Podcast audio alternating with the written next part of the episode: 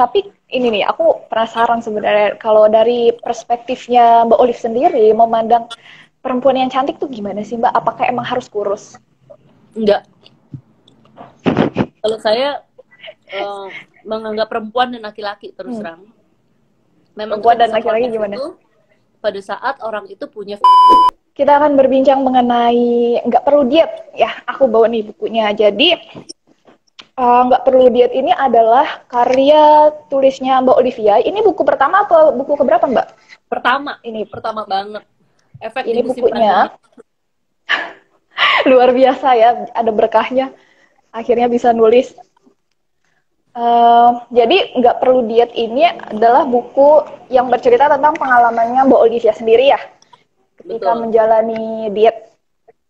Nah ini bukunya mungkin teman-teman pernah melihat di toko buku, toko, toko buku. Ya. Di mana Gramedia ya Mbak? Terus di mana lagi Mbak jualnya? Ada di seluruh Gramedia di Pulau Jawa. Gramedia Pulau Jawa. Iya seluruh toko buku Gramedia Pulau Jawa hmm. dan katanya mereka juga juga juga jual online hmm. mungkin melalui uh, seperti apa ya platform online-nya yang biasa gitu tapi bisa juga hmm. langsung pesan uh, ke ada nomor uh, staff yang memang untuk khusus bisa mendapatkan tanda tangan dari aku. Ah iya. Aku kemarin pesannya lewat staff khusus itu jadi dapat tangannya mbak tanda tangannya mbak Olivia. Oke okay, ya udah. Juga. Iya. Uh, Mbak, kita ngomong-ngomong yuk tentang bukunya ini sebenarnya. Kenapa sih tiba-tiba uh, kepikiran gitu loh Mbak nulis buku? Mm, sebenarnya gini, banyak sekali uh, teman-teman ya, bermulai dari teman-teman dekat yang memang mengenal saya. Dari zaman saya uh, apa ya bisa dibilang waktu pertama kali main ada pedangan cinta kan semua publik juga tahu gitu yeah. ya uh, bobot berat badan dan sebagainya gitu ya penampilan dan sebagainya. Tiba-tiba melihat sekarang kalau ketemu apalagi di tempat-tempat uh, seperti yang perkawinan yang mungkin memakai baju yang cukup terlihat bentuk badannya dan sebagainya semua pada kaget yang kayak pegang-pegang hmm. tangan aku gila tapi tangan aku kan emang dari hmm. dulu kenceng kan kalau dibilang teman-teman yeah. tuh kayak bubur semen. Dibilangnya dikatain karena kan emang aku dari dulu kayak main surfing apa segala kan paddling apa gitu tapi gede gitu kan. Nah sekarang kecil terus tapi kenceng gitu. Jadi pada gemes banget gitu. Terus kalau aku ngomong apa aja kayak dia pengen tahu pengen pengen ngikutin gitu. Nah kadang-kadang kan kalau kita cerita satu-satu cuman bertahun-tahun setiap ketemu orang tahu dong perempuan-perempuan kalau ngomong ngumpul. Yeah.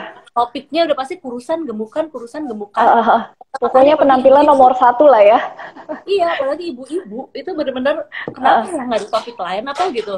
Bener-bener kurusan gemukan abis itu selain fashion ngomongin ya pasti ya itu bentuk badan dulu gitu mm-hmm. nah jadi uh, dalam arti pengertian banyak sekali yang menanyakan juga menanyakan kepada teman-teman deket aku. Misalnya kawan aku deket ya, mereka tahu ya ada kawan aku itu deket sama aku. Tanyain dong uh, oh gimana? Pakai nuduh-nuduh. Itu operasi ya gitu katanya.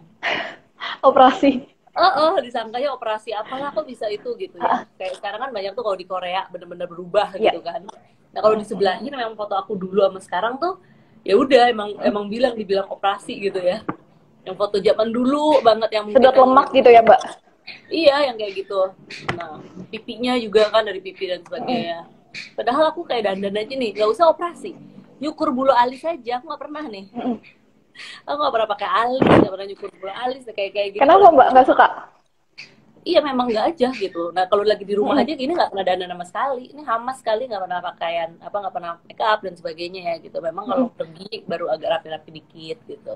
Iya. gitu. Jadi memang uh, apa adanya aja gitu kan. Nah orang nanya terus menerus kemudian uh, kawan saya menginisiasi sebenarnya. Ada kawan saya namanya Mbak Windy.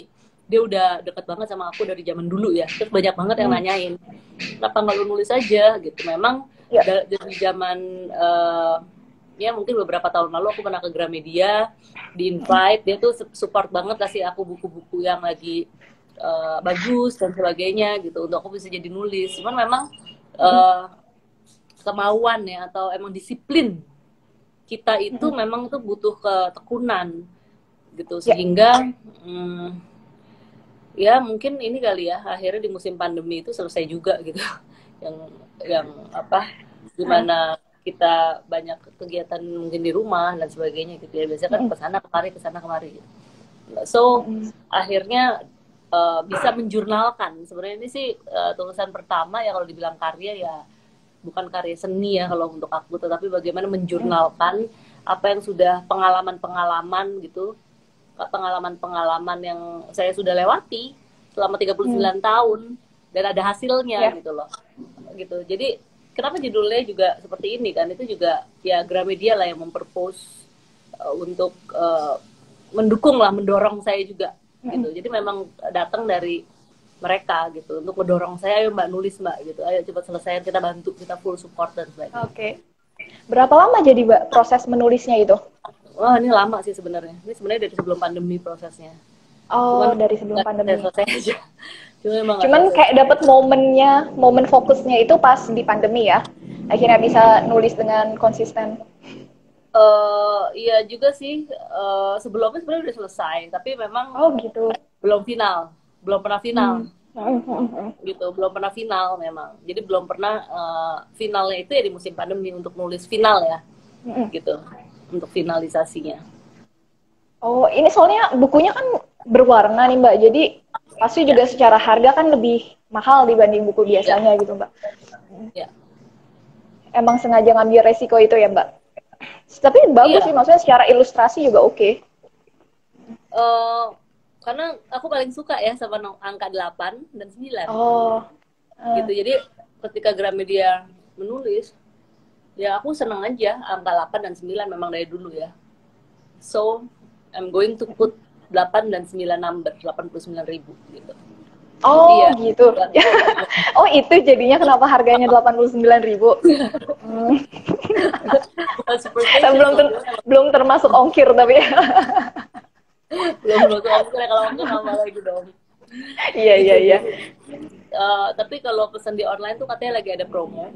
Emang dia hmm. diskon khusus. Jadi aku online itu di mana mbak? Di Tokopedia apa Shopee?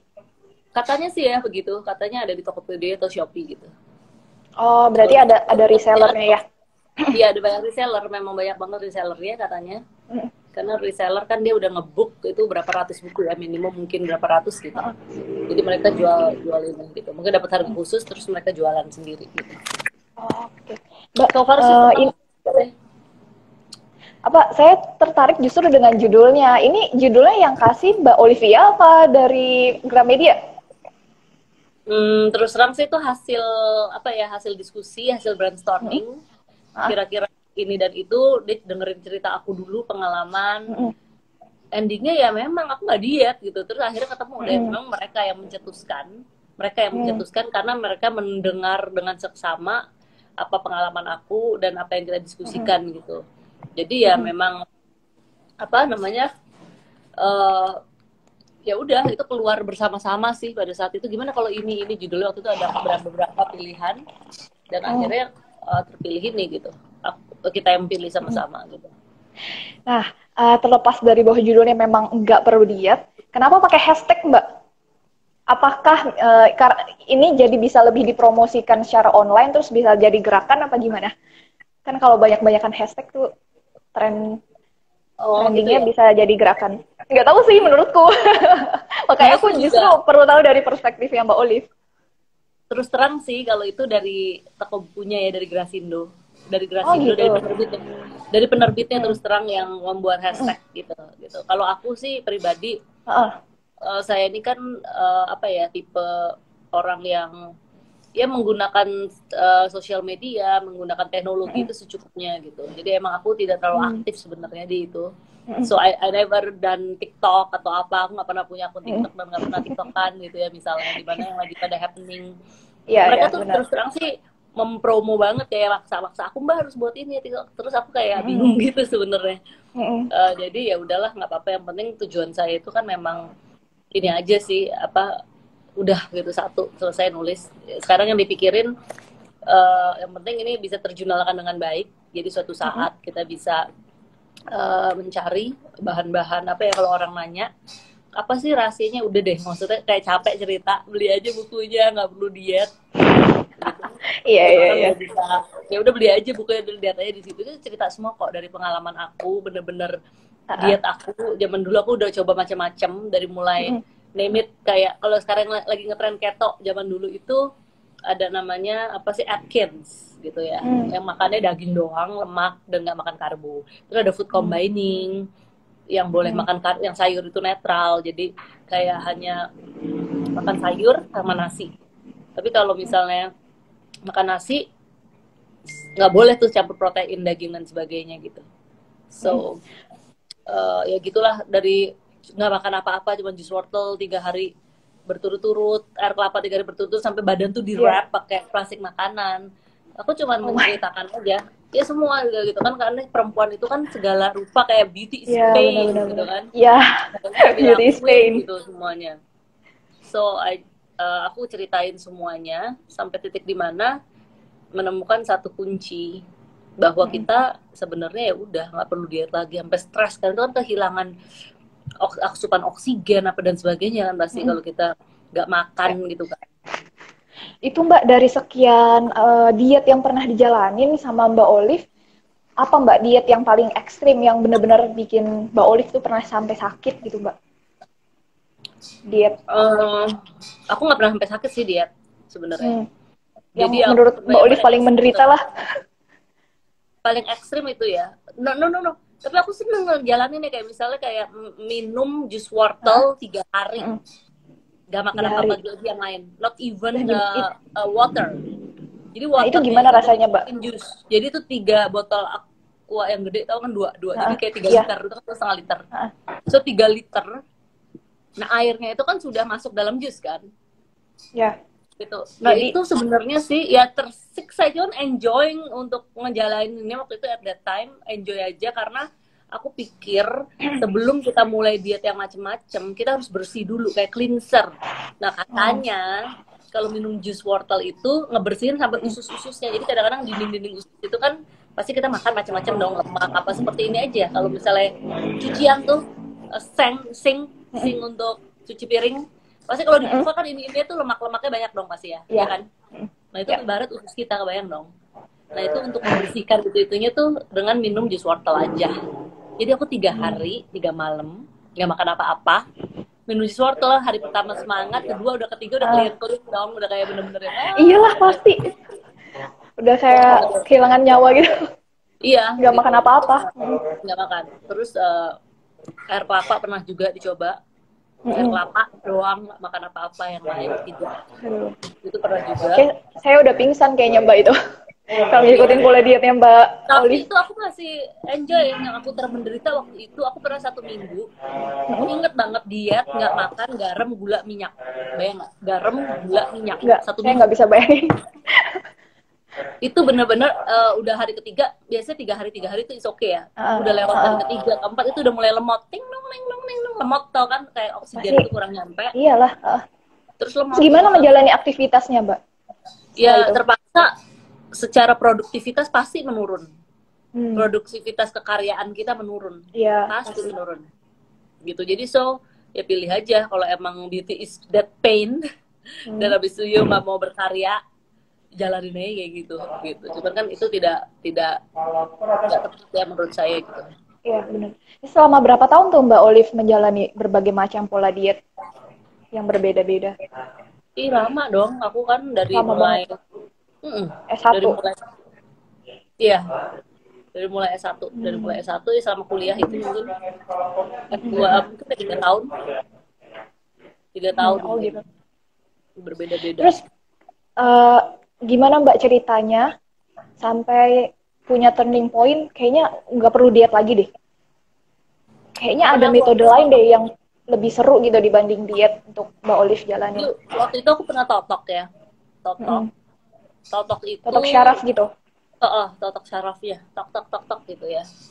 Segala hmm. ditotok sampai kakinya. Jadi kayak katanya kalau udah uh, tiga kali terus udah nih terakhir namanya dikunci ya dikunci nah, itu kakinya tuh ditotok tek gitu ditotok hmm. habis itu katanya mbak kalau nanti pijit kapan-kapan sama orang refleksi atau apa nanti hmm. telapaknya tuh jangan dipijit ya gitu katanya telapaknya jangan Kenapa? dipijit soalnya udah dikunci katanya gitu uh -uh.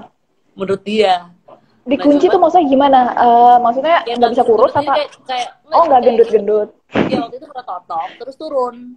Nah yang problem hmm. itu kan adalah ketika kita turun naik turun naik kan. Hmm. Ya. Gitu kan turun naik kayak yoyo. Itu tuh problemnya tuh perempuan. Kadang kita bisa kurus. Uh, kayak yoyo gitu. Bentar ya, ini ada yang masakin saya, saya maksa-maksa suruh cobain. ya, kita cuma nonton doang dong, Mbak Olive makan. Maksa nih mbaknya. Nah, jadi apa namanya? Bener-bener ya udah. Hmm, kayak yoyo kan, problem kita kan. Kita misalnya diet ketat, mau tiga hari, di seminggu diet banget, turun. Tapi bagaimana kita menstabilisasi, kita bisa maintain Iya. Sustain gitu. Biar stagnan gitu ya berat ya. badannya. Nah itu ditotok akhirnya biar dikunci katanya. Hmm. Tetapi aku ya percaya nggak percaya ya. Tapi setelah ya. itu kayak berapa lama kemudian aku pernah refleksi, pijit refleksi, pijit-pijit hmm. gitu kakinya. Terus katanya gini, eh mbak kalau misalnya, eh aduh sakit-sakit kenapa tuh? Ya mbak ini harus dibenerin lah. Kalau misalnya nggak dibenerin, hmm.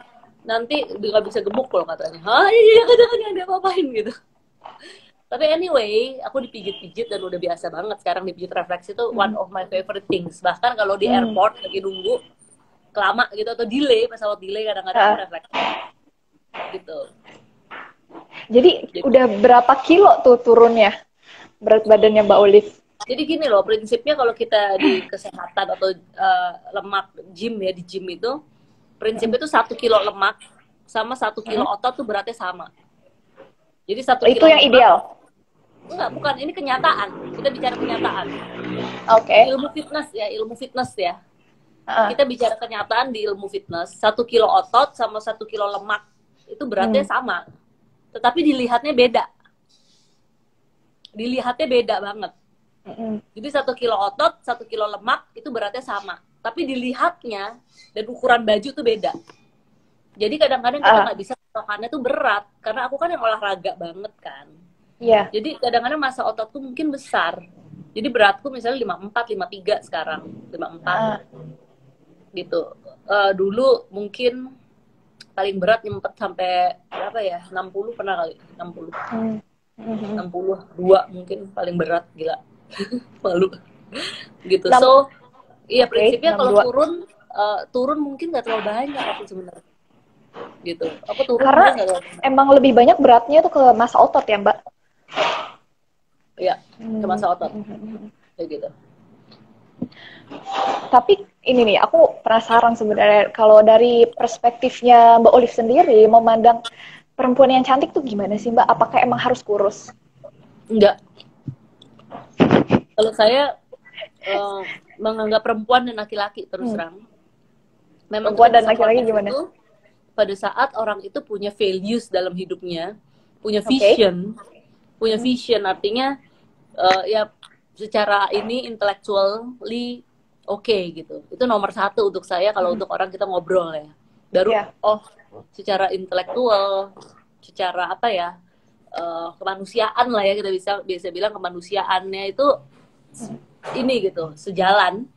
Nah itu connect tuh klik Nah itu terlihat gitu dari karakter, jadi terbentuklah suatu karakter gitu. Jadi hmm. ada orang yang kurus gitu, tapi nggak punya karakter kadang-kadang.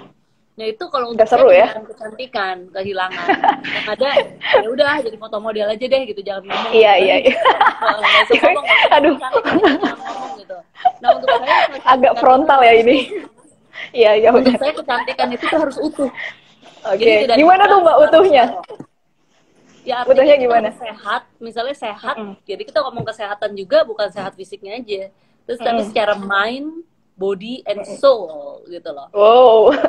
Harus komplit pokoknya. nah, harus komplit gitu. Kita nggak bisa cuman gitu terus pada saat ngomong deh ngomong apa sih? gitu. Atau nggak jelas banget gitu. Atau nggak makna gitu. Sering banget tau nggak topik-topik atau apa ya?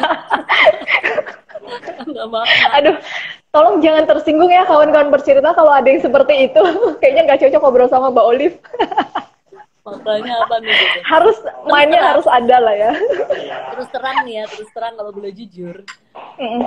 Topik buku aku ini itu sebenarnya aku sering komplain ke teman-teman perempuan. Gila uh, gak makan banget sih setiap ketemu ngomonginnya kurus, gemuk, kurus, gemuk, apa nggak ada topik lain apa gitu loh. Eh kurusan deh, gemukan deh gitu ya. Oke, okay, pertama, kedua, tapi lama nggak makan juga karena itu yang orang sering tanya. Iya, benar benar benar. Ya daripada aku ditanya mulu, jadi aku jurnalkan aja gitu. ya lu baca aja deh, nggak usah nanya mulu gitu ya. Iya, tapi terus Jadinya... terang, uh, mungkin buku kedua aku, aku bicara hal lain gitu. Mungkin bocoran dong tentang apa sih? Belum tahu. kalau masih oh belum tahu. baru. Nah kalau masih pandemi. Belum kepikiran. uh, aku udah mulai nulis yang lain sih. Jadi mungkin aku lebih hmm. ber, karena aku basicnya kan di teater gitu ya. Iya. Oh bareng Paradar ya di teater kosong? Iya, uh, makanya aku kenal dari Pak Panasiran juga dari Paradar. Karena aku muridnya beliau. Pantesan. nggak bisa ngobrol sama yang orang yang kosong pikirannya nggak bisa ya. Soalnya temen-temennya emang berat-berat banget. Pak Radar lah Pak Nasirun ini ngomong harus kayak tahu filsafat dulu. Itu iya jadi aku filsafat muridnya, hidup. Aku muridnya Mas Radar jadi udah kayak temen kakak yeah. guru untuk aku gitu ya. Dan aku kayak latihan teater sama beliau itu kadang pokoknya hampir tiap hari tuh sampai jam 12 malam kebayang dong? Dari hmm. jam 7 sampai jam yeah. 12 malam mendiskusikannya apa gitu. Tentang uh, alam semesta dan sebagainya lah kira-kira namanya aja teater kosong gitu kan. Yeah. filosofi kosong itu sendiri sudah sangat berat gitu kan. Kita uh, mengerti sebenarnya gitu. Uh, jadi memang itu sih uh, yang memang aku lakuin jadi ke depan ini aku sering kan bermonolog gitu kan. Kalau pandemi ini kan kita serba terbatas. Kayak sekarang aja talk show biasanya kita kan datang ke studio gitu kan. Tapi sekarang kita harus menggunakan perangkat teknologi gitu. Mau nggak mau yeah. seolah-olah kita tidak ada pilihan lain. Yeah. gitu. Jadi aku lagi mungkin menyiapkan suatu monolog gitu. Tapi monolognya aku namakan monolog tayang. Biasanya kita bermonolog di monolog apa? Monolog tayang. Monolog tayang? Iya, biasanya kan kita uh. ber berin di panggung, ya kan? Yeah. Mm Tapi ini kan kita tidak bisa lagi panggung dengan dari penonton, gitu. Mm. Artinya kalau sekarang gimana? Panggung, Metodenya gimana, Mbak? ya artinya kita bermonolog tapi direkam teknisnya gitu loh. Uh, Oke. Okay. Jadi panggungnya itu adalah panggung beneran gitu, bukan panggung di, di suatu panggung teater, gedung teater. Hmm. Teater itu kan berasal dari kata Yunani kan jadi bener-bener apa gedung gitu kan pertunjukan. Yeah. Tetapi di mana kita tidak bisa lagi pentas di satu gedung karena lagi musim pandemi harus yang uh, kalaupun bisa gitu tetapi tidak ada penonton kan gitu. Artinya hmm. harus direkam atau daring gitu. Nah, yeah untuk saya aneh ya sebenarnya cuman ya bagaimana kita menciptakan narasi sebenarnya kan kita buat sesuatu ya intinya kita mau buat film kita buat teater buat buku artinya ada yang mau disampaikan ada ya. narasi apa yang mau disampaikan gitu mm kayak misalnya buku saya nggak perlu diet ini intinya disiplin hidup itu uh, apa kuncinya disiplin hidup gitu kan disiplin hidup uh, apa istilahnya mencapai tujuan hidup gitu jadi kalau kita mau mencapai tujuan kita itu harus disiplin gitu. Jadi kayak mau kurus okay. jangan ngomong doang gitu kan. Jangan wacana doang, praktik ya. iya, kayak hidup saya tuh udah dimulai dari jam 7 pagi, udah olahraga dulu. Jadi hidup saya tuh biasanya dibagi per jam. Kayak wow. jadi aku ngatur schedule itu per jam atau per misalnya olahraga dua jam gitu, dibagi jadi dua session gitu kan. Nah, habis itu ngapain lagi? Nah, makanya paling sebel sekali itu kalau aku tuh nunggu gitu. Kayak misalnya kayak kenapa jarang syuting gitu kan? Kan syuting kan banyak nunggu tuh ya. Yeah. uh, gitu. nunggu yang gergetan ya. mm -mm, gergetan juga gitu. Jadi ya um, itulah kira-kira begitu. Nah ngomongin soal tadi aku jadi pengen tahu nih tadi kan Mbak Olive ngomong mengenai tujuan hidup. Jadi tujuan hidupnya Mbak Olive apa? Ah kita agak agak berat dikit nih Mbak. Enggak itu moto aja sebenarnya untuk ini nggak perlu diet itu. Hmm. artinya kan ada buktinya kan? Dulu seperti yeah. apa sekarang segini nih badannya uh, artinya ya sangat ideal. untuk uh, untuk mencapai tujuan hidup ya disiplin hidup disiplin hidup yeah. untuk mencapai tujuan hidup. Nah itu saya baru bicara dalam konteks kalau ini. Maksudnya orang mau langsing sehat awet muda kan gitu kan? Mau langsung saya, sehat saya nangkep tuh value-nya value-nya Mbak Olive itu uh, cukup eksplisit sih di dalam bukunya ya. Jadi pertama ngomongin niat yang kuat kan? Kedua komitmen tiga konsisten gitu ya. Mm -mm. Itu itu prinsipnya ya untuk Mbak Olive ya. Jadi sehingga sesuatu yang kita lakukan berulang-ulang itu kan jadi habit. Jadi kayak yeah. makan kenapa nggak perlu diet sebenarnya? Ya kan nggak hmm. perlu diet. Kayak kita makan itu bisa makan apa aja. Karena prinsipnya makanan itu kan nggak haram. Semua boleh dimakan. Tetapi Saya makanan setuju. itu menjadi tidak baik. Saya juga hobinya makan. Iya kan? Tapi hmm? makanan itu tidak uh, menjadi misalnya makanan yang kurang sehat gitu ya ingredients share ingredients tapi itu kan nggak apa-apa kita konsumsi. Tetapi menjadi tidak baik di tubuh itu ketika dikonsumsi secara berulang-ulang. Itu tuh iya. kuncinya. Yeah. kalau kita konsumsi berulang-ulang setiap hari gitu ya menjadi nggak sehat kan gitu. Kenapa nggak perlu dia tuh bukan berarti kita sebenarnya makan apa aja tiap hari bisa sembarangan nggak sehat? Enggak artinya kapan pun kita mau tuh sebenarnya kita makan tapi sebenarnya kembali ke disiplin tadi. Pola hidup saya itu udah saya kunci begini gitu hmm. sehingga saya nggak mungkin juga kayak beli gula di rumah saya saya nggak pernah belanja gula loh gitu kira-kira ya tapi kalau saya keluar makanan ada gula atau apa saya no problem Uh, Tetapi bagaimana kehidupan kita sehari-hari gitu, itu yang paling penting tuh. Kayak kita punya hmm. standar atau quality of living kita begini, gitu, hmm. yang kita konsumsi sehari-hari. Tapi begitu kita di luar, walaupun nanti bisa lagi seminggu di luar mulai, udah seminggu nggak apa-apa, it doesn't make sense, yeah. eh it doesn't matter gitu loh. Karena kayak misalnya kemarin saya kan ke Jogja ya, hmm. itu makan terus. Selama empat hari, tiga tiga hari, tiga malam, empat hari ya, pokoknya makan terus deh. Nah kalau makan saya biasanya apa bersih, itu otomatis kayak makan yang berlebihan atau yang beda itu uh, keluarnya juga lebih banyak gitu intinya. Tanpa harus minum obat apa. Jadi udah metabolisme. Jadi kuncinya memang kan keseimbangan. Sebenarnya dalam hal apa pun dalam Islam apalagi ya dalam kehidupan itu prinsipnya adalah seimbang gitu jadi bagaimana kalau kita bisa mengerti ilmu seimbang itu sama dengan pola hidup mengatur pola hidup yang penting seimbang gitu gitu. Jadi kalau kita udah mencapai kestabilan metabolisme seimbang itu kita makan misalnya satu piring, tiba-tiba besok kita makan tiga piring, otomatis keluarnya pasti lebih banyak juga tanpa kita harus minum yeah. obat-obatan yang perangsang atau mules dan sebagainya gitu. gitu. Karena juga emang uh, dengan pola hidup disiplin yang sudah dijalani oleh Mbak Olive kan emang metabolisme tubuhnya udah udah berjalan gitu ya, Mbak. Mau makan Betul. banyak juga nggak ngaruh.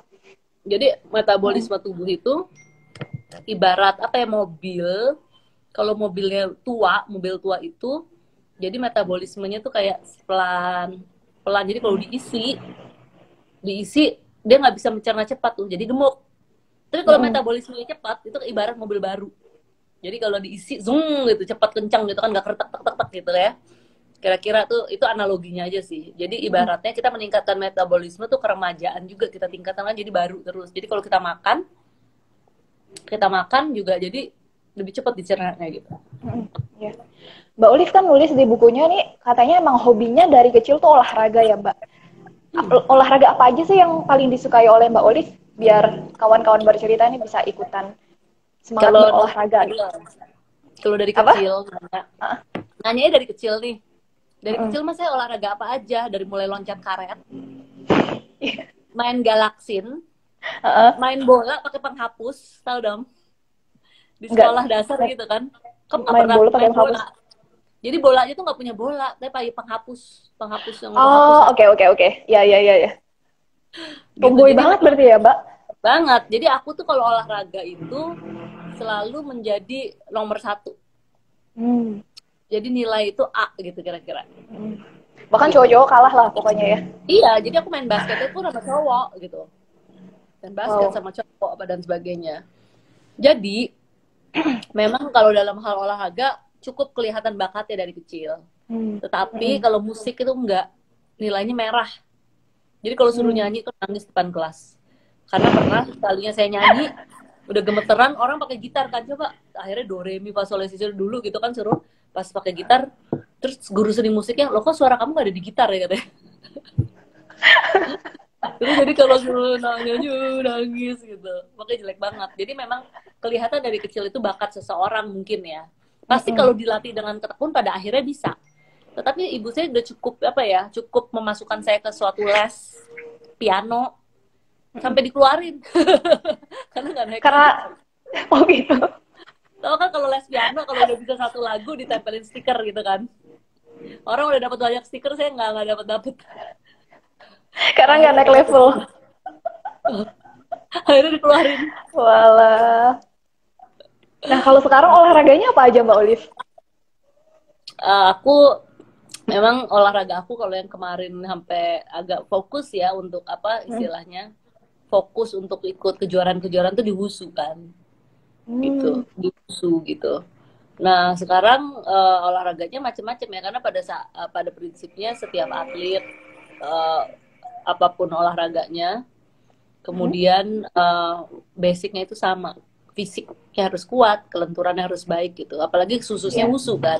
Untuk menghasilkan gerakan yang indah uh, harus mempunyai kelenturan yang baik untuk mempunyai kelenturan baik itu fisiknya harus kuat dulu. Karena ibarat besi ya. Hmm. besi ya. Kalau besi itu kan keras. Kaku kan? Yeah. tapi kalau dipanasin lama-lama memuai kan? Dipanasin memuai gitu.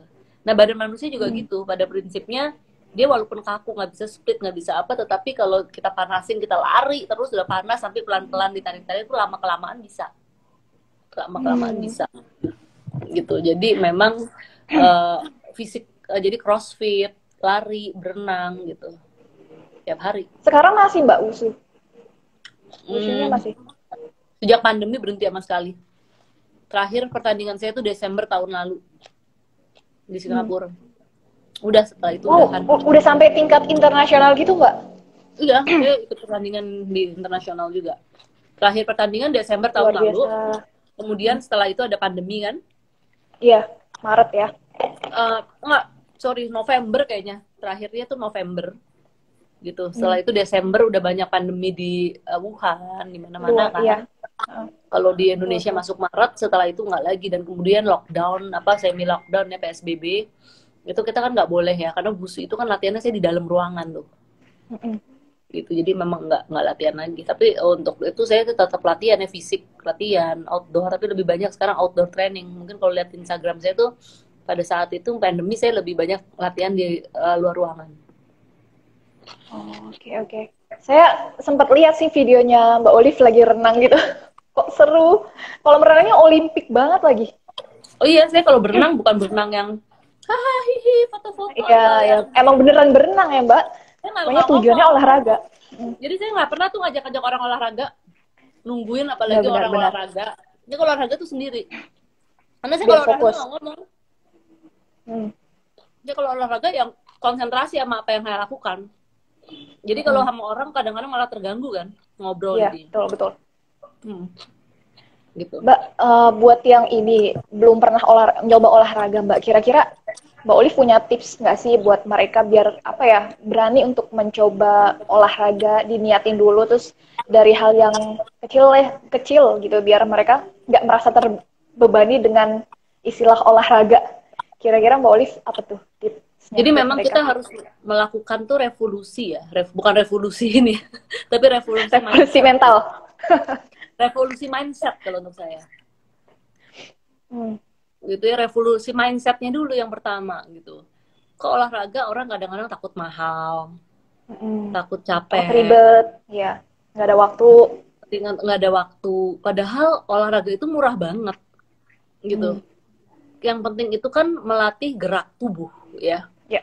Artinya kalau kita pandai-pandai, mungkin kita bisa sambil bersihin rumah itu ngepel itu bagus banget loh. Ngepel yang pakai tangan. Hmm. Itu paling bagus untuk istilahnya squat, otot lower body. Gitu. Ya, ya. Itu bagus apalagi kalau pakai tangannya dikencengin, it's really good for juga uh, upper body gitu. Hmm. Gitu. Jadi apa olahraga tuh apa gitu loh. Maksudnya jadi bagian harus jadi bagian dari hidup dulu. Jadi mindsetnya dulu diperbaiki. Bahwa jangan takut kalau kita uh, olahraga tuh pikir capek atau nggak keren nggak eksis gitu. Nggak perlu kayak sepedaan juga. Ya udah jalan aja keluar. Asal ada sepedanya. Kalau sepeda kan tentu saja juga nggak harus sepeda yang mahal-mahal misalnya. Asal goes gitu kan ya. Jadi yang penting gerak dulu. Mulai dulu apa aja yang kamu suka dan apa aja yang kamu punya kalau nggak punya hmm. apa-apa, nanti saya kasih tips gerakan-gerakan yang bisa dilakukan di rumah. Cuman yang diam di satu petak, misalnya yeah. burpees, push up, plank, apa aja. Hmm. Nanti saya bisa kasih itu ya, maksudnya kayak tips gerakan yang itu kalau di Instagram saya saya udah bisa kasih beberapa kasih sih kayak yang misalnya nggak punya apa-apa hmm. dan nggak perlu pakai sepatu pun gitu ya misalnya itu bisa gitu melakukan gerakan-gerakan yang untuk mengaktifkan uh, apa organ-organ tubuh biar uh, tetap lentur, biar uh, peredaran darah lancar gitu. karena pada prinsipnya uh, nanti kita harus mulai dulu. Memang kalau udah terbiasa tuh jadi males karena kan pola hidup tadi ya saya bilang habit yeah, tuh. tapi di dalam badan kita tuh ada hormon namanya endorfin. Hormon endorfin itu adalah hormon yang membuat kita tuh sehat. Eh bukan sehat ya. Ya happy jadi hormon endorfin itu happy gitu. Kayak misalnya dan lama kelamaan addicted. Nah itu aku selalu campaign narkoba itu anti campaign pakai apa orang jangan pakai narkoba tuh karena orang pakai narkoba tuh juga hormon endorfinnya aktif. Jadi dia tuh hmm. happy seneng gitu kan ketawa-tawa fly lama-lama addicted. Orang main judi hmm. juga begitu main judi wah seneng hahaha hahaha karena hormon endorfinnya aktif bahkan sampai dia mau lagi mau lagi addicted sampai dia mengalami kebangkrutan kan gitu ya, ya. ya kan nah saya memilih olahraga untuk campaign anti narkoba saya pada saat dulu saya jadi duta anti narkoba.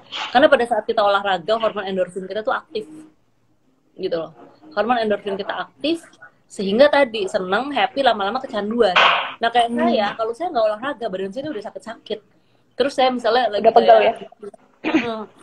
kayak hari ini saya belum sempat olahraga, itu nggak enak banget badannya. Gitu nanti besok pasti di tengah-tengah kesibukan saya pasti harus gitu sempatkan jadi seminggu misalnya lima kali kita udah set up lima kali atau empat kali misalnya olahraga. Yeah. ya kalian mulai dulu. Ya seminggu sekali mulainya lama-lama seminggu dua kali tiga kali sampai kayak saya harus tiap hari gitu. Gitu. Nah olahraganya apa? Yang mulai dari sederhana. Istilahnya kalau bangun tidur tempat tidur full up itu juga nggak apa-apa gitu misalnya yeah. atau apa pun gitulah. Gitu dan ini mbak yang ada paling penting kuncinya. Kuncinya itu satu apa? yang paling penting. Olahraga untuk diri sendiri. Nggak usah untuk nampang atau nggak usah ngajak hmm. temen sebenarnya.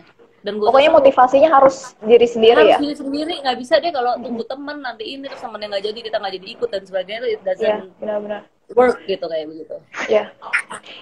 ini mbak Olive ada pertanyaan uh, dari Mas Ipung Kandri mbak tips biar iya. konsisten yeah. melakukan olahraga biasanya tuh semangat awal doang Nah ini kayaknya hmm. problem umum nih mbak olahraga tuh awal-awalnya aja kayak semangat terus lama-lama aduh bosen dan sebagainya akhirnya malah berhenti. Hmm? Seperti yang saya sudah bilang di buku saya, konsisten hmm? itu adalah awal. Jadi memang bosan, tapi konsistennya dulu satu bulan. Tiga bulan gitu ya? saya jamin kalau tiap hari udah itu hormon endorfinnya aktif.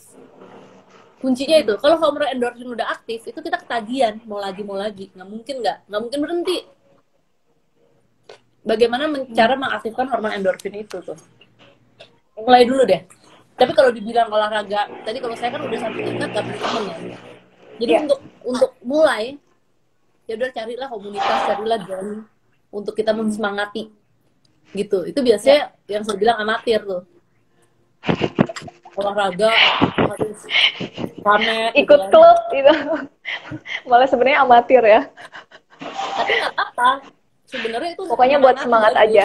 iya. Lama-lama itu. Nanti kan makin lama makin lama makin lama tuh uh, ikut di dalam uh, satu komunitas atau yang memang udah pro semua gitu. Jadi kita bersaing positif. Jadi kita wah harus lebih semangat lagi lebih ini lebih itu. Itu bagus juga sih untuk menyemangati sebenarnya.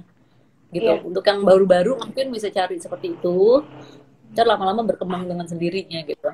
Tapi sampai di mana titik pokoknya mindset kita olahraga untuk diri kita sendiri untuk kesehatan kita. Jadi kita nah, nanti pada penting. akhirnya nggak perlu orang lain untuk teman olahraga udah sendiri aja gitu. Ya.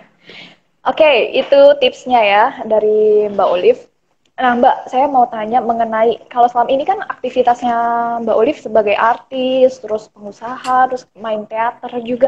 Gimana tuh Mbak membagi waktunya, manajemen apa waktunya biar masih sempat berolahraga? Itu tadi, kalau kita sudah komitmen pada diri kita sendiri, bahwa olahraga itu adalah menjadi bagian dari kehidupan kita, investasi kita yang paling berharga, gitu kan?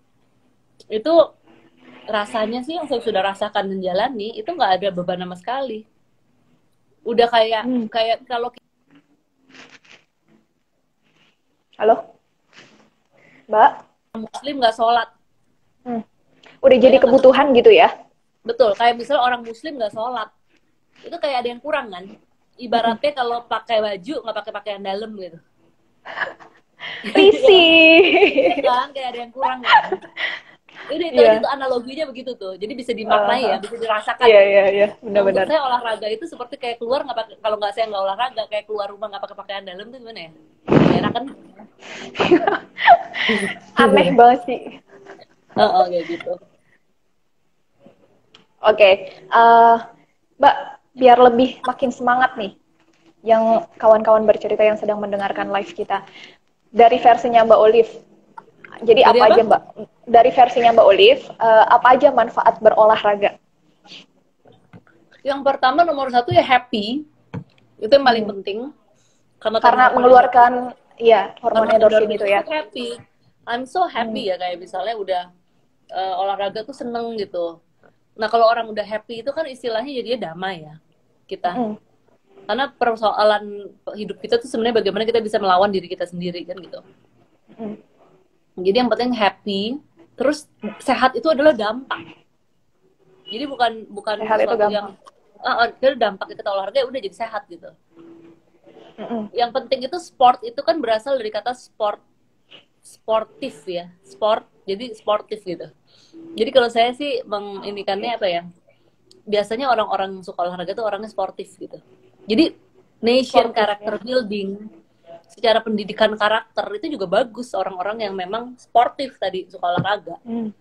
Karena juga orang yang olahraga itu biasanya dia tuh concern dengan apa yang dia masukkan ke badan.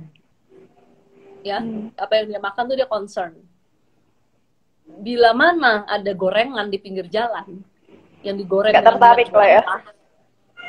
Dia nggak tertarik gitu kalau untuk dimakan sehari-hari mungkin sesekali lah dia makannya bukannya dia sombong tetapi bagaimana minyak jelantah itu bisa masuk ke dalam badannya bayangkan orang yang seperti itu berpikirnya seperti itu bagaimana dengan narkoba pasti dia udah hmm. menolak menolak pasti hmm. istilahnya minyak jelantah aja dia tolak yang tidak merusak yeah. maksudnya merusak paling ya badan ya darah nggak bagus dan tapi tidak merusak jaringan otak tuh nah kalau yeah. narkoba itu kan yang merusak sel-selnya otaknya gitu pasti dia nggak mau tuh gitu. Hmm. Jadi memang uh, olahraga ini sebenarnya bagus sekali untuk pembangunan karakter juga. Kalau untuk saya orang itu disiplin juga. Karena kuncinya itu sebenarnya disiplin ya hidup. Dan bagaimana kita bisa menjalankan hidup dengan seimbang gitu aja sih. Disiplin dan menjalani hidup secara seimbang itu ya. Dengar kawan-kawan bercerita ini penting banget prinsip prinsip hidup yang harus kita jalani. Uh, pertanyaan lain, Mbak dari Mas Rizwan, Rizwana Bizar.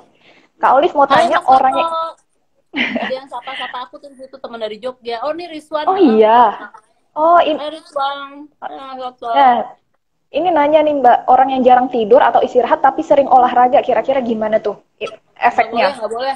Eh, eh, ingat ya. Nggak boleh. Hidup tuh harus seimbang.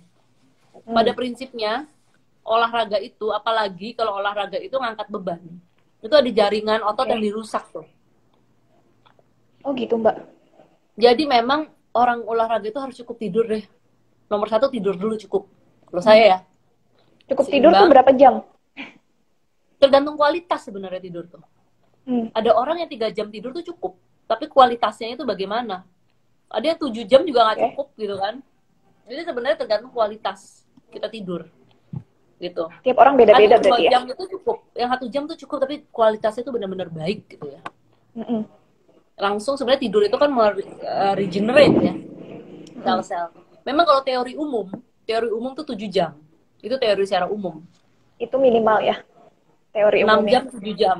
Nah, teman saya kan berdasarkan pengalaman ya. Kalau saya tidak berdasarkan teori umum lagi. Kalau memang secara teori umum kedokteran seperti yang saya tulis di buku ini juga itu 6 jam 7 jam, tapi kenyataannya dari pengalaman tuh banyak sekali kita tidur tiga jam tuh seger, over tujuh yeah. jam masih lemas. Nah itu ternyata uh, dari kualitas tidur kita gitu, deep sleep ya bisa dibilang deep sleep. Gitu. Ada yang nanya tuh ngemil apa? Mau tahu ngemil apa? Kasih tau mbak. Kacang panjang. Cemilan aja sehat sekali. Terus ini pertanyaan lain, Mbak Olive caranya ngobatin ngantuk. Hmm. Ngobatin ngantuk. Ngobatin ngantuk ya? Tidur. Itu penting juga tuh. Kalau tidur mulu gimana? tidur dulu bangun kalau kita tidur mulu kita sering nguap itu biasanya asupan oksigen ke otak tuh kurang nah jadi bukan berarti tidur kurang tidur ya ya kurang tidur bisa juga gitu kan tapi makanya kalau udah tidur kan saya bilang tadi kalau obatin ngantuk makanya tidur aja kan gitu itu artinya kurang tidur kan gitu tapi katanya kalau udah tidur terus ya kan udah yeah. tidur terus artinya itu asupan oksigen tuh kurang sampai otak jadi haruslah hmm. kita mulai keluar rumah keluar ruangan kita asup oksigen sambil kita bergerak sambil kita bergerak badan dan sebagainya itu harus memang banyak gerak hmm. ini ada yang nanya Olive masih ingat saya nggak? Mbak Olive gimana Tapi pola itu... makannya Mbak? Hmm, pola makan aku. Dari Widya. Beli dong ini bukunya. Ayo Mbak, coba promosiin buat kawan-kawan bercerita yang sedang nonton live. Halo teman-teman yang sedang nonton uh, bercerita. Saya akan berbagi cerita di sini bagaimana pengalaman saya selama 39 tahun bisa tetap langsing dan sehat dan semuanya dan awet muda. Saya, dan awet muda kalau kata orang kalau saya ngomong nanti narsis. iya saya yang bilang awet muda. Gak berani ngomong gitu kalau itu. Kata orang gitu kan, awet muda. Uh, semua itu saya jurnalkan di satu buku karya pertama hmm. saya judulnya nggak perlu diet jadi untuk sehat langsing hmm. awet muda kata orang tapi nggak perlu diet karena kadang-kadang kita males kan diet atau stres oh. ya bikin stres apalagi dengan uh, kegiatan yang padat dan kita pengen tetap happy lah gitu ya. So, saya jurnalkan semua, sharing pengalaman intinya di buku nggak perlu diet. Buku ini bisa didapatkan di Gramedia terdekat di kota Anda atau bisa langsung DM. Lihat Instagram saya, nanti ada nomor staff untuk pesan khusus dan dapat tanda tangan dari saya. Gitu. Itu dia. Mbak, kayaknya udah banyak yang endorse deh Mbak bukunya, terutama pejabat-pejabat ya. Bocoran nih dari IG-nya Mbak Oli. Kebetulan aja sih sebenarnya itu lagi rapat. Saya tidak pernah mengini khusus kok. Itu nggak pernah mengini khusus. Mungkin yang mengendorse nulis di buku nih uh, di belakang ini kan bisa dilihat. Iya. teman-teman aja sih waktu saya ada belum... Mbak Nana ya. Ada Kak iya, Marcella, ada, ada Rai, Coki Sitohang.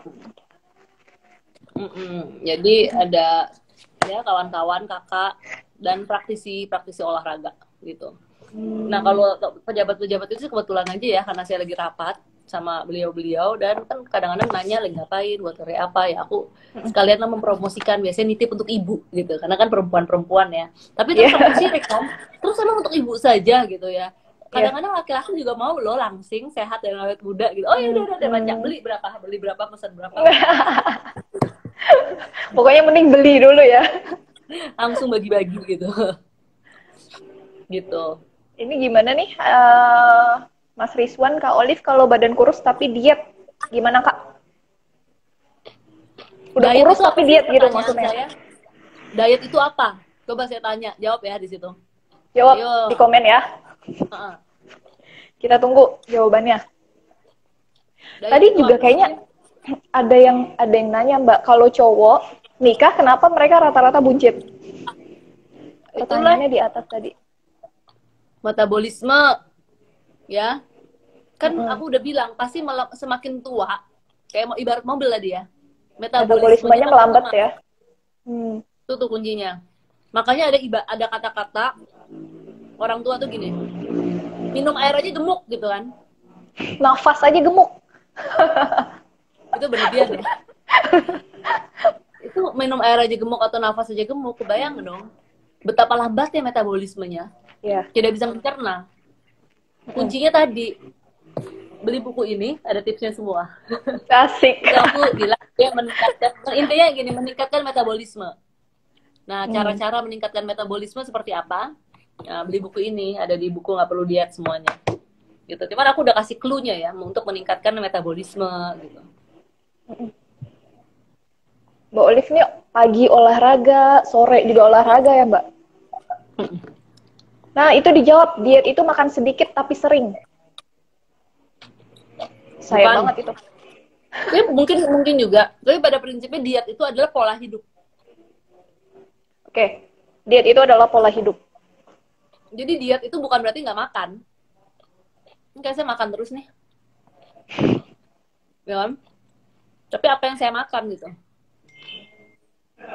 gitu jadi makan sedikit tapi sering bisa juga untuk meningkatkan metabolisme tuh bagus juga tuh siapa itu Widya Widya Hai Widya selamat ya pertanyaan dan makan jawaban sedikit. bagus makan sedikit tapi sering itu untuk meningkatkan kalau... metabolisme tuh Mbak Mbak Olive sendiri kan bilang di bukunya tuh you are what you eat gitu ya. ya. Jadi kamu adalah apa yang kamu makan sebenarnya. Ya. Makanya pada saat itu saya nyempat vegetarian kan. Kemudian pescetarian. Uh -uh. Sampai sekarang, Mbak. Pescetarian. Sekarang sudah mulai udah mulai makan daging. Jadi itu untuk meredam emosi kita. Kalau makan kebanyakan makan daging merah jadi emosian gitu ya, Mbak? Ih, lihat aja sifat-sifatnya itu marah mulu. Kayaknya saya nggak makan daging tapi emosian, Mbak. Berarti harus ngontrolnya. Harus di detox dulu, harus di detox. Harus di detox dulu. Ini siapa nih? Mampir-mampir ke Sanggar Teater Populer ya, Olive kalau ada waktu pas Jakarta. Dari Mas iya, Arya. Iya, aku suka. Dari siapa? Arya Dega ya aku dulu memang uh, nyempet belajar di sanggar teater populer itu sanggarnya Om Selamat Raharjo oh di Jakarta Mana uh, itu? di itu Tanah Abang oh di Tanah Abang berarti sempat aktif juga di sana ya diet aktif mengurangi juga. banyak makan Hah? diet. Berarti diet mengurangi banyak makan. Ini salah ya. Gimana nih anak kampus nih? Masa salah anak kampus? Dibilangin diet itu adalah pola hidup. Jadi it doesn't apa ini ini tidak ada hubungannya sama makan nggak makan makan. Ini pola hidupnya bagaimana? Gitu pertanyaannya. Mm -hmm. nah barulah kita kita rumuskan tuh pola hidup yang seperti apa yang anda mau jalankan. Jadi diet itu adalah pola hidup itu sendiri gitu nah jadi bisa bermacam-macam diet gitu. Mm tuh ada yang nanya mulu makan apa? Iya. Karena emang Mbak Olive sepanjang live kita ini makan mulu. Tapi makanannya juga sehat banget sih. Oke okay, Mbak, uh, sebagai penutup nih Mbak live kita kasih pesan-pesan dong yang inspiratif buat kawan-kawan bercerita biar mengikuti pola hidupnya Mbak Olive yang super sehat dan seimbang. Yang pasti uh, teman-teman sahabat bercerita, uh, saya ingin mengajak teman-teman uh, semua untuk bisa apa ya, uh, happy dulu dengan apa yang kita lakukan. Itu kita harus happy. Kuncinya bagaimana? Kuncinya kita mencari kegiatan-kegiatan yang memang kita passion ya di situ kita senang. Sehingga yeah. kalau kita udah punya passion kadang-kadang kita kerja 12 jam tapi that our passion gitu ya kita passion di situ tuh nggak nggak capek dan nggak hitung-hitungan jadi kalau saya lebih menyarankan uh, keluar dari zona nyaman anda gitu. Ketika Anda hmm. sudah berani keluar dari zona nyaman, uh, kemudian Anda mencari apa yang Anda senangi, kemudian konsentrasi dan tekuni di situ. Gitu. Nah, hmm. itu untuk bagaimana kita mempunyai apa ya? Uh, bisa menghasilkan karya-karya mungkin yang lebih baik gitu. Nah, ya. begitupun dengan olahraga. Olahraga itu bermacam-macam. Jadi bagaimana pilihannya olahraga itu kan memang uh, prinsipnya ya. Artinya prinsipnya dulu olahraga itu harus dijadikan bagian dari kehidupan kita. Ya, olahraga yang seperti apa? Cari olahraga yang Anda suka gitu. Kalau hmm. memang suka beberes rumah ya udah jadikan ngepel itu sebagai olahraga. Disiplin gitu dalam ngepel dan tekuni. Itu pun bisa membuat Anda sehat dan mempunyai badan yang bagus.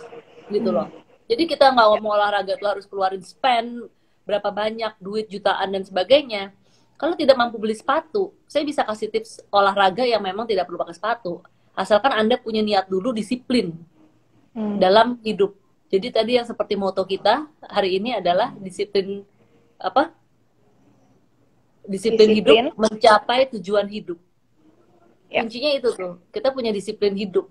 Jadi saya paling sebel sama orang yang males. Kadang-kadang orang itu meratapi nasibnya itu sebenarnya uh, itu dibuat dengan kita sendiri gitu loh gitu kadang-kadang orang meratapi tetapi tidak mau berusaha gitu hmm. jadi uh, mungkin saya bisa apa kalau boleh saya kasih saran ya selain uh, ya pasti kita namanya hidup berdoa ya kan ya uh, yang paling penting itu ya tadi bersyukur dulu.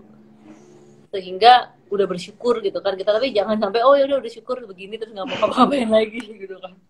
Pokoknya bersyukur dan berusaha itu ya harus harus iya, balance. emang seimbang seimbang yeah. gitu. Jadi udah deh pokoknya uh, mulai dari diri sendiri dulu niat teguh olahraga itu untuk diri sendiri bukan untuk orang lain bukan untuk diposting-posting dipamerkan hmm. dan sebagainya kalau saya izin maaf memposting-posting saya olahraga itu karena untuk menyemangati orang lain aja dan dengan ya. orang melihat itu uh, banyak sekali yang komentar itu memang tergerak motivasinya gitu kayak teman-teman gila ngeliat Olive olahraga jadi kayak pengen gitu hmm. nggak apa-apa terpacu ya kan, bukan saya memamerkan hmm. olahraga atau memamerkan bentuk ya. badan dan sebagainya enggak tapi bagaimana orang terpacu apalagi ini benar-benar loh ada udah buktinya. Dulu gemuk sekarang seperti yeah. ini gitu kan. Gitu jadi ya udah gitu. Kita coba mulai dulu dari apa yang kita bisa apa yang kita punya. Sekarang hmm. juga. Nah nanti lama kelamaan nanti kalau anda udah ngelakuin gitu tiga bulan masih malas juga baru anda cari saya deh. Saya tanggung jawab saya akan melatih sendiri. Wah luar biasa. Itu ditantang loh sama mbak Olive jadi kalau iya, tiga bulan tiga bulan. tidak berubah juga bisa DM mbak Olive ya? Iya tapi artinya anda harus menjalani yang tadi tips saya ya. Hmm. tips saya gitu. Bahwa tiga bulan ya harus bergerak terus cari olahraga yeah. yang anda suka. Otomatis nanti endorfinnya aktif sehingga itu menjadi suatu bagian dari kehidupan kita. Karena kalau enggak kan kita udah addicted ya bisa dibilang. Jadi ya. semuanya kembali lagi untuk teman-teman sahabat bercerita lebih lengkapnya saya akan sharing pengalaman saya dalam buku ini. Di buku nggak perlu diet oke okay, mbak Olive. Toko buku Gramedia terdekat di kota ya atau bisa juga uh, keterangan nomornya ada ya mbak ya? Di nomor di, di IG-nya IG-nya Mbak Oli atau bisa DM Mbak host kita yang cantik ini. Nanti Mbaknya yang bisa juga. Tapi tanda tangannya tanda tangan saya Mbak jadinya nanti Mbak tanda tangan saya langsung deh tangan oke siap. Makasih banyak Mbak Olive uh, untuk berbincang-bincang malam ini. Akhirnya setelah akhirnya. telat tiga setengah jam ya Mbak. Mohon maaf. Nggak apa-apa. Mulai juga telat kan? Iya, Mbak Olivia belum update sih Instagramnya. Iya, nah inilah uh, tidak update yang terbukti kan, terbukti kan kalau kita tidak memakai teknologi secara. Iya, benar-benar benar. Ternyata tidak medsos banget ya Mbak Olive tuh. Terima kasih Mbak Olive dan terima kasih juga untuk kawan-kawan bercerita yang sudah uh, menonton live kami malam ini. Semoga mendapat manfaat dan inspirasi dari Mbak Olivia Zalianti. Oke, kalau gitu sampai ketemu di Selasa minggu depan. Ya, selamat malam Mbak Olive. Assalamualaikum warahmatullahi wabarakatuh. Waalaikumsalam warahmatullahi wabarakatuh. Bye.